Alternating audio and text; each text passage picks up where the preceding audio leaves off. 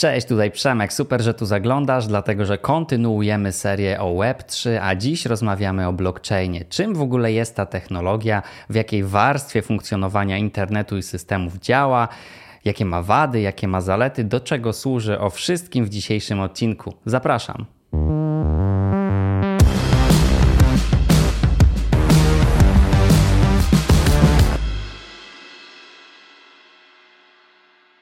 Zacznijmy od tego, że blockchain jest takim typem technologii, która pozwala nam przechowywać informacje w takiej najprostszej formie. Więc można powiedzieć, że jest takim rodzajem bazy danych. I to najlepiej widać na przykładzie, kiedy firmy poszukują takich rozwiązań z zakresu blockchaina i poza blockchainem wybierają najczęściej na przykład centralną bazę danych albo centralny rejestr. Tutaj na przykład Amazon dostarcza taką usługę Quantum Ledger Database, albo rozproszone bazy danych, które tak de facto Oracle czy Microsoft oferują na rynku już od wielu, wielu lat. Blockchain jest wręcz jakąś taką formą rejestru informacji i uznaje się, że kiedy jakaś informacja do blockchaina trafi, to już nie ma możliwości, aby ją zmienić, zmodyfikować czy z tego rejestru usunąć. I teraz dlaczego tak się dzieje? Przede wszystkim blockchain w takim prostym rozumowaniu to jest tak liniowo powstająca baza danych, składająca się właśnie z bloków. W ramach danego bloku zachodzi ileś transakcji. W tym rejestrze pojawia się jakaś ilość informacji. I kiedy ten blok się nasyci, powstaje za nim liniowo kolejny blok. Z tym, że ten nowy, który też nasyca się nową informacją, zawiera w sobie już wszystko to, co wydarzyło się wcześniej, czyli zawiera w sobie pełną informację o tym poprzednim bloku, która jest nieedytowalna, nie ma możliwości manipulacji tą informacją. Czyli tak naprawdę, zobaczcie, to jest taka baza informacji, która się nie nadpisuje, Czyli to nie jest tak, że nie widzimy tego, co było wcześniej, tylko każdy kolejny etap rozwoju tej bazy danych, każdy kolejny blok zawiera w sobie całą poprzednią informację.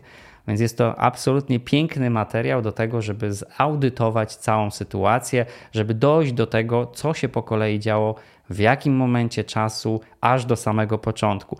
Tak swoją drogą, kiedy cofniemy się w ten sposób, idąc do tyłu po tych wszystkich blokach, dojdziemy do tego pierwszego, to ten pierwszy blok nazywa się Genesis Block. Czyli tak próbując sobie wyobrazić, w jakiej warstwie technologii blockchain funkcjonuje, to funkcjonuje w takiej warstwie infrastruktury rozwiązania. Czyli de facto bliżej blockchainowi do na przykład technologii cloudowych, o których opowiadałem w osobnym odcinku, koniecznie sprawdźcie, niż na przykład do języków programowania. Czyli blockchain to infrastruktura. I żeby blockchain był dobrze funkcjonujący, powinien zawierać w sobie trzy konkretne, nazwane aspekty. Pierwszy to jest powinien być kryptograficznie bezpieczny. Czyli, żeby do danego blockchaina, bo warto powiedzieć, że blockchainów może być wiele, każdy może stworzyć swój blockchain. Jest to jakaś taka infrastruktura wtedy, w której operują wszyscy inni użytkownicy sieci lub wybrani, o tym będzie później, którzy chcą wziąć udział którzy chcą korzystać, operować na danym blockchainie. I teraz co to znaczy kryptograficznie bezpieczny? To znaczy, że aby móc korzystać z tego blockchaina, potrzebujemy dwóch kluczy. Klucza publicznego to jest taki adres wskazujący, w którym miejscu sieci się ten e, blockchain znajduje i klucza prywatnego, i to jest taki już można sobie wyobrazić klucz do otwierania drzwi, który pozwoli nam, temu użytkownikowi, do tej sieci, do tego konkretnego blockchaina wejść. O tych kluczach jeszcze w szczegółach będę opowiadał w osobnym odcinku. Druga taka charakterystyczna cecha blockchaina to fakt, że jest on w pełni cyfrowym dziennikiem, czyli nigdzie nie istnieje jakaś analogowa wersja blockchaina, jest to produkt całkowicie cyfrowy. I trzecia charakterystyczna cecha blockchaina to fakt, że jest to technologia, która jest udostępniana w sieci w różny sposób. W sposób albo publiczny, jest wtedy po prostu udostępniana w publicznej sieci, albo w sposób prywatny, w ramach jakiejś na przykład danej organizacji. O tym jeszcze w szczegółach opowiem na koniec tego odcinka. I znalazłem w sieci taki przykład tego, jak funkcjonuje blockchain. Wydaje mi się to bardzo adekwatne, więc też się tym z Wami podzielę. Wyobraźcie sobie taką sytuację, że ktoś jedzie na koncert na przykład Beyoncé i teraz nie masz biletów dostępnych w sprzedaży, więc pozostaje nam zakup biletu w takiej sprzedaży wtórnej od kogoś. Zrobiliśmy to rok temu, no i na koniec dnia ten bilet do nas rzeczywiście przyszedł, po czym okazał się fałszywy. Przyjechaliśmy na koncert do Warszawy, no i niestety na koncert nie weszliśmy. W tym roku chcielibyśmy to rozwiązać trochę inaczej. Ponownie nie ma biletów, przespaliśmy temat. No i teraz możemy skorzystać z jednego z serwisów, i takie serwisy rzeczywiście istnieją, który zajmuje się sprzedażą tych biletów z rynku wtórnego, ale w sposób zorganizowany na technologii blockchaina. Co to znaczy? To znaczy, że każdy bilet ma swoją cyfrową, niezbywalną, niezmienialną, nieedytowalną wartość, taki identyfikator, który do tego poprzez klucze jest powiązany z konkretną osobą. Nie ma możliwości manipulacji tą informacją.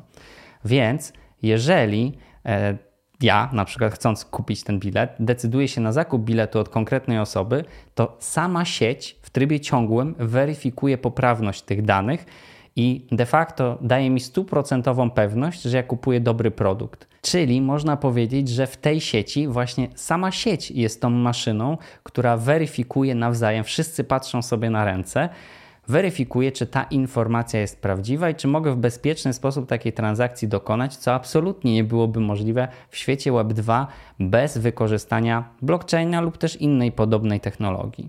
Sieć peer-to-peer. Blockchain z założenia tworzy właśnie tego typu networki. I co to znaczy?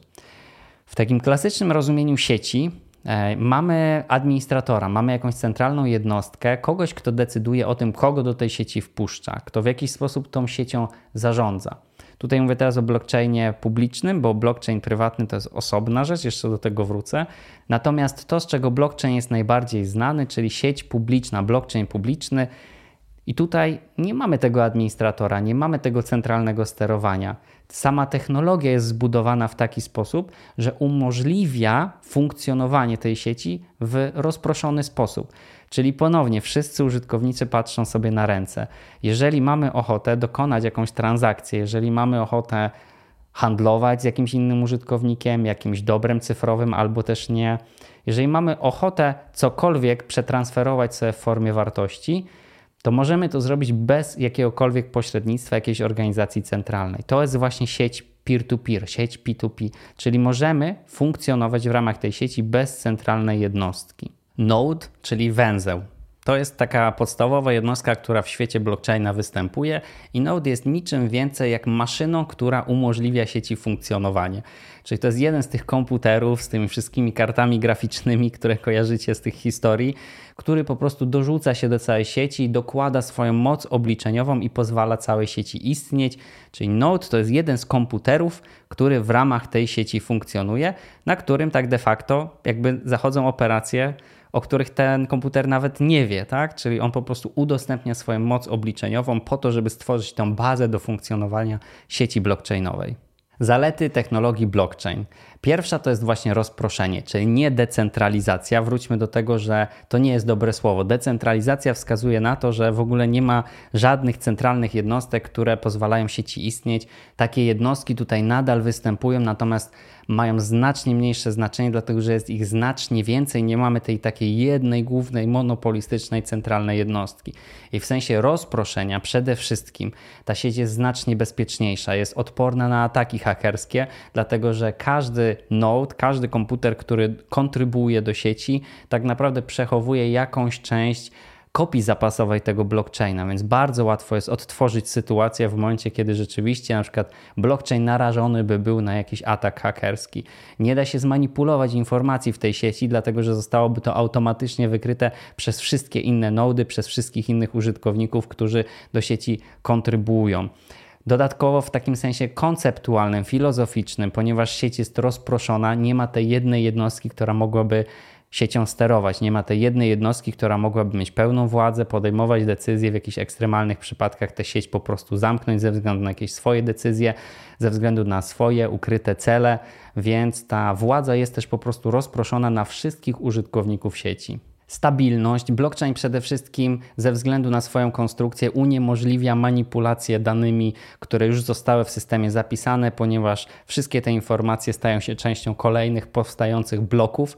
Więc e, w kontekście audytów, w kontekście sprawdzania realnej sytuacji, jeżeli firma wdraża takie rozwiązanie, no to ma stuprocentową pewność u siebie, że rzeczywiście to, co się stało, to się rzeczywiście stało. Żaden pracownik nie mógł usunąć historii z przeglądarki, nie mógł e, nadpisać jakiegoś pliku.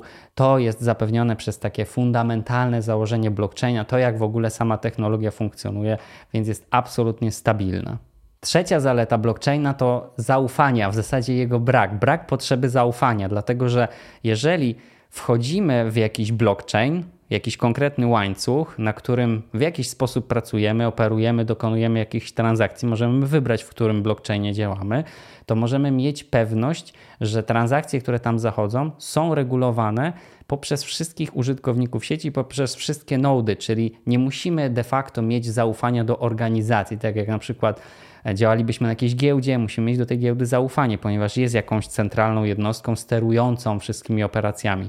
Jeżeli dokonywalibyśmy jakiejś transakcji przez bank, no to ponownie musimy mieć do niego zaufanie, aby trzymać tam nasze środki i tak dalej, i tak dalej. W przypadku sieci blockchainowych nie ma takiej potrzeby, dlatego że sama konstrukcja tej technologii uniemożliwia jednej jednostce piastowanie władzy, która na przykład w jakiś sposób zajęłaby nasze środki, uniemożliwiłaby nam transferu jakiejś wartości, uniemożliwiłaby nam dokonanie jakiejś transakcji. Więc de facto wchodząc w blockchain nie potrzebujemy tego czynnika zaufania do jednostki, który musielibyśmy mieć w przypadku takiego klasycznego systemu z Web2. A jakie są wady blockchaina? Bo oczywiście nie ma technologii bez wad. Pierwsza to tak zwane ataki 51%, czyli to wszystko, co Wam wcześniej powiedziałem, w realnym świecie jest stuprocentową prawdą. Natomiast w teorii jest taki scenariusz, w którym ktoś, jedna jednostka przejmuje 51% kontroli nad danym blockchainem i wtedy rzeczywiście ma możliwość manipulacji siecią. Natomiast to się jeszcze nigdy nie zdarzyło, dlatego że oznaczałoby rzeczywiście, że ktoś musiałby wydać niewyobrażalne pieniądze na to, żeby przejąć fizycznie, wykupić 51% wartości danego blockchaina i rzeczywiście w praktyce nakład pracy, nakład finansowy, nakład mocy obliczeniowej, która byłaby potrzebna, żeby tego dokonać, byłby tak ogromny, że bardziej się użytkownikom po prostu opłaca w uczciwy sposób być częścią, operować funkcjonować na blockchainie, cokolwiek nie byłoby aktywem obrotu na tym konkretnym blockchainie. Po prostu na koniec dnia wychodzą na tym lepiej, nie muszą podejmować przeogromnej inwestycji bez jakiegokolwiek gwarantu zwrotu. Drugą wadą blockchaina jest de facto ponownie brak możliwości modyfikacji danych, dlatego że no czasem tak się zdarza, szczególnie jeżeli mówimy tutaj o blockchainie przeznaczonym dla organizacji, czyli o blockchainie prywatnym, że ta możliwość modyfikacji danych jest czasem potrzebna. Nie zawsze chcemy trzymać jakieś informacje, które szczególnie na przykład mogą nam szkodzić w nieskończoność bez możliwości modyfikacji tych danych, więc w jakimś scenariuszu ta cecha blockchaina może być też wadą. Aby mieć dostęp do konkretnego blockchaina, potrzeba m.in. klucza prywatnego. No i teraz o tyle jest to wada, że jeżeli ten klucz zgubimy, to nie mamy żadnej możliwości odzyskania dostępu do tego konkretnego blockchaina. Czyli nie ma takiego mechanizmu. One już pomału się pojawiają, ale e, w, w, takim kontekście znowu pośredników, czyli przy giełdach, czyli tam, gdzie jakby nie funkcjonujemy bezpośrednio jako bezpośredni użytkownik na danym blockchainie, tylko posługujemy się dla łatwości użytkowania chociażby jakimś pośrednikiem, jak na przykład giełdą. Natomiast kiedy zgubimy klucz prywatny w takim sensu stricte bezpośrednim dostępie do blockchaina, no to po prostu tracimy dostęp do całej wartości, którą tam mieliśmy wypracowaną. I czwarta wada technologii blockchain to jest jej nieefektywność energetyczna, ponieważ to, w jaki sposób funkcjonuje, zapewnia jej stabilność i bezpieczeństwo, natomiast z drugiej strony konsumuje też ogromne ilości energii. O tym nagram dla Was dokładnie osobny odcinek, gdzie no, pokażę wyniki, pokażę w jaki sposób konkretne blockchainy do tego podchodzą. Są blockchainy, które rzeczywiście bardzo mocno brną w to story, że tak, będziemy zużywać takiej ilości energii, ale to z drugiej strony zapewnia nam tą stabilność sieci, o którą nam chodzi. Są blockchainy, które mówią odwrotnie ok, stabilność jest bardzo ważna, ale jednak nam chodzi też o to, żeby w jakiś sposób e, kontrybuować do nurtu zrównoważonego rozwoju, nie konsumować tyle energii, jak już konsumujemy, to żeby to robić ze źródeł odnawialnych itd., tak itd., tak cały duży osobny temat. Natomiast tak, niepodważalnie blockchain jest technologią bardzo nieefektywną energetycznie. A jakie są typy blockchaina? Przede wszystkim najczęściej pojawiającym się podziałem jest podział na blockchain publiczny i blockchain prywatny. I tak de facto w takim najprostszym rozumieniu to jest dokładnie to, na co nazwy wskazują, czyli blockchain publiczny. To są wszystkie blockchainy, do których Dostęp ma każdy. Każdy, kto tylko założy sobie klucz publiczny, klucz prywatny, może kontrybuować, może brać udział w tej sieci. Ponownie w blockchainie publicznym nie ma żadnego administratora, który nam powie: Nie, nie, nie, przepraszamy, ty tu nie masz wstępu. Po prostu mamy możliwość uczestniczenia. Ten blockchain jest wystawiony w sieci w odpowiedni sposób, za odpowiednią procedurą. Możemy po prostu do tego blockchaina dołączyć. A z drugiej strony mamy blockchain prywatny, i dzisiaj można powiedzieć, że to jest tak naprawdę już taka technologia korporacyjna technologia organizacyjna. Duże firmy wykorzystują blockchain, aby móc skorzystać ze wszystkich benefitów, które ta technologia oferuje i wykorzystać je w ramach swoich organizacji. I tutaj różnica jest taka, że dostęp do tych sieci blockchainowych już mają rzeczywiście wybrani użytkownicy, więc tutaj pojawia nam się jakiś administrator, który te dostępy nadaje. Musimy spełnić jakieś warunki, czy na przykład mieć jakieś konkretne stanowisko w zależności od konceptu biznesowego organizacji. Natomiast tutaj już nie wszyscy mają dostęp i to jest taka główna różnica pomiędzy sieciami publicznymi blockchaina a prywatnymi, Czyli tak jak widzicie, blockchain może być wykorzystywany do budowania takich sieci peer-to-peer -peer z dostępem publicznym, gdzie każdy może wejść i kontrybuować, ale też w ramach konkretnych firm i organizacji. To wszystko na dziś. Jeśli podobał Ci się ten odcinek, zasubskrybuj i do następnego. Cześć!